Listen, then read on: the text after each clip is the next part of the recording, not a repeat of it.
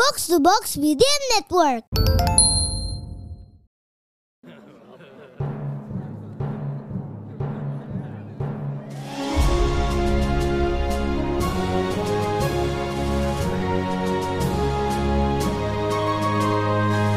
Perhatian, perhatian. Dongeng Paman Geri akan segera dimulai. Semua anak dipersilahkan untuk berkumpul.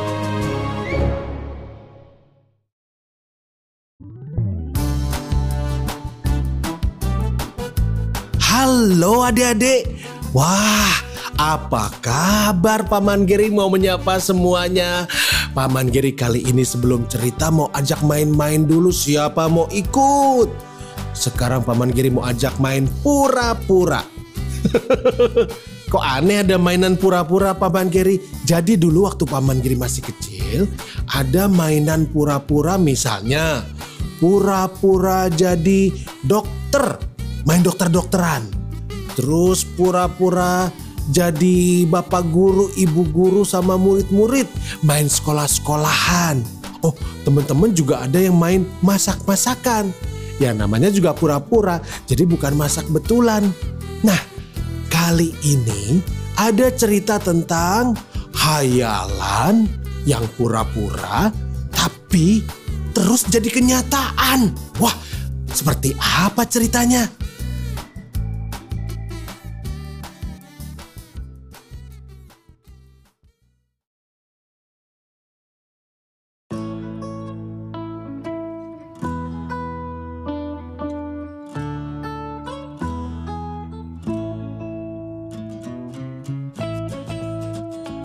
Ayesha dan Nara adalah kakak beradik yang sangat akrab. Ayesha usianya 8 tahun. Kalau Nara usianya 6 tahun. Tapi kalau mereka sedang main bersama, uh, seru banget. Di halaman rumah mereka ada sebuah pohon rambutan yang tinggi besar. Ayah membuatkan sebuah rumah pohon di atas pohon rambutan itu. Tempatnya sih tidak terlalu tinggi dan bisa dimasuki dengan naik tangga gantung. Kalau sudah main di rumah pohon itu, Ayesha dan Nara suka lupa waktu. Sampai-sampai ibu harus memanggil mereka setiap sore. Tapi kalau nggak dipanggil, bisa-bisa sampai malam mereka di sana. Nara, hari ini apa tugas kita? Hari ini kita akan bertemu dengan Ratu. Dia punya tugas khusus ke kita. Tapi aku belum tahu tugasnya. Kalau begitu, yuk kita naik ke rumah pohon. Ratu pasti sudah menunggu kita. Ayesha memanjat pohon dengan cepat diikuti Nara. Sesampainya di depan pintu rumah pohon itu, Ayesha diam sebentar, merapikan bajunya, kemudian melangkah ke dalam. Nara juga melakukan hal yang sama. Rumah pohon itu sebenarnya tidak berpintu, tapi Ayesha memasang tirai yang ia bikin sendiri dari kerang yang ia kumpulkan di pantai. Jadi setiap kali mereka masuk dan keluar dari rumah pohon itu, suaranya nyaring sekali.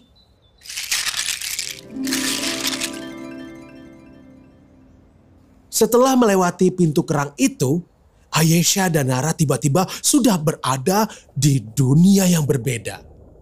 Mereka ada di istana kerajaan bawah laut, siap menghadap ratu kerajaan bawah laut yang baik dan bijaksana.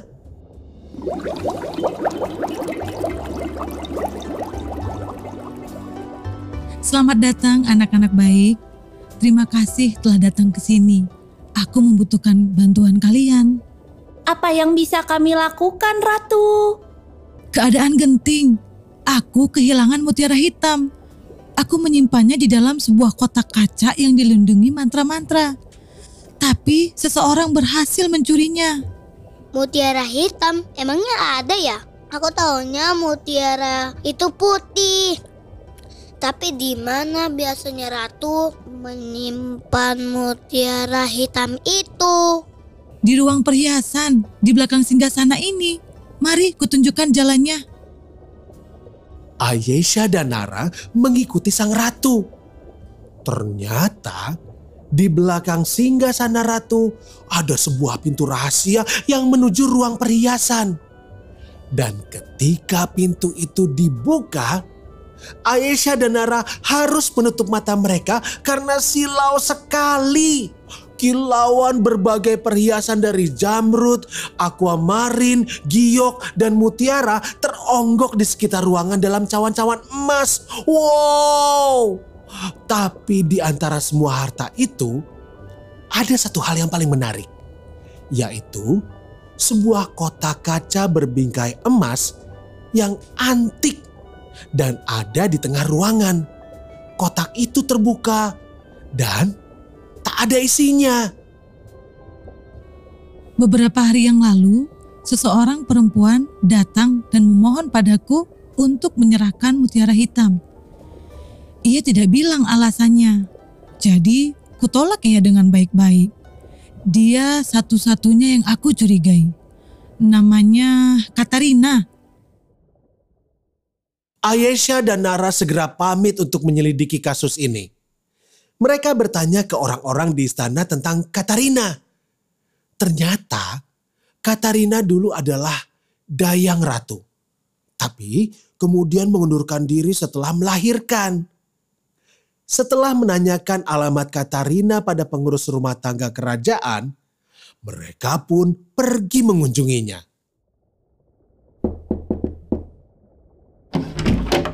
Ya, ada yang bisa aku bantu? Selamat siang. Kami tertarik dengan anemon-anemon yang mengapit rumah Anda. Bagus sekali ya. Apakah kau yang menaruhnya di situ? Kak, kok jadi nyanyi anemon? Kita di sini akan mencari guru hukum. Ikuti saja kata-kataku. Oh, anemon-anemon ini. Iya, aku sendiri yang menaruhnya dan mengurusnya. Terima kasih ya atas pujian kalian. Ah, apakah kalian mau mampir untuk minum teh? Mau. Ada kue juga? Jadi, Ayesha dan Nara berhasil masuk ke dalam rumah Katarina. Tapi sepertinya tidak ada yang mencurigakan. Ya rumahnya agak berantakan, tapi suasananya cerah dan tidak menakutkan kok. Apa itu? Suara tangis bayi. Wah, ada bayi. Apakah itu anakmu? Iya, itu Masya, anak perempuanku. Dia sedang kurang enak badan. Eh, sebentar ya, aku ke kamar dulu.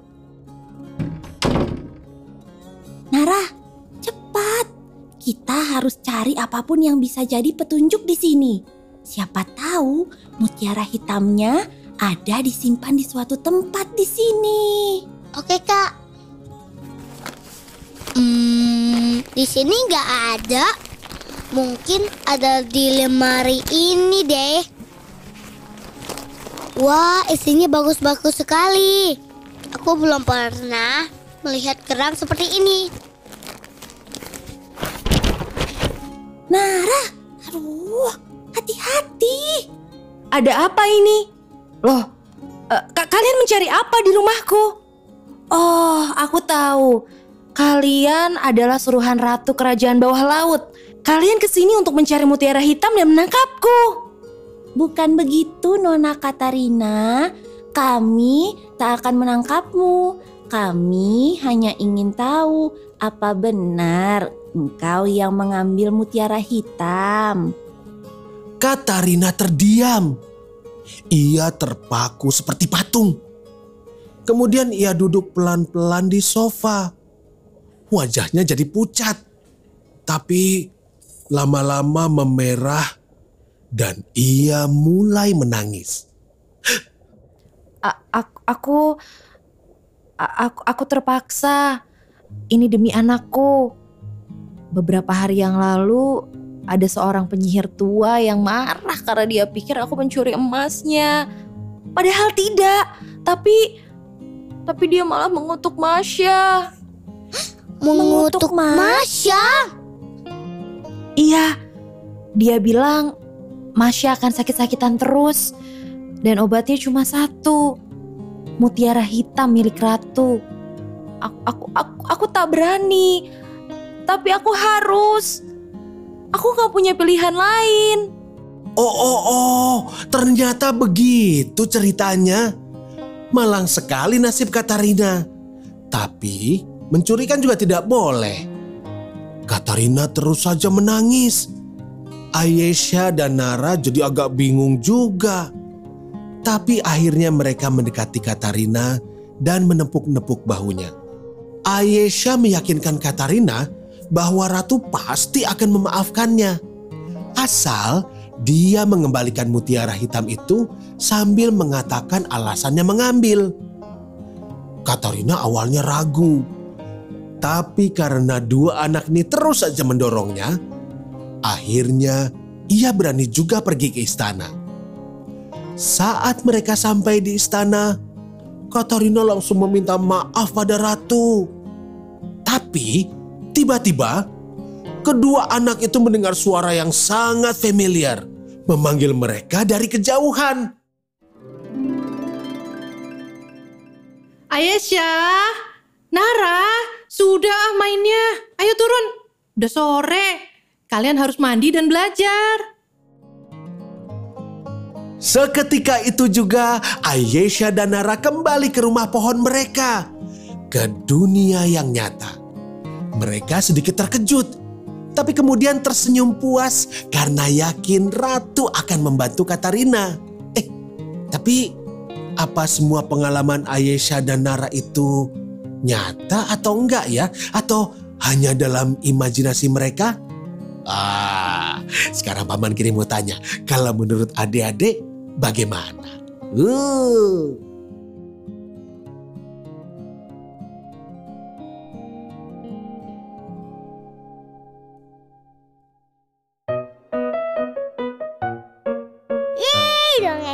Selesai. Jumpa lagi di dongeng Paman Geri selanjutnya.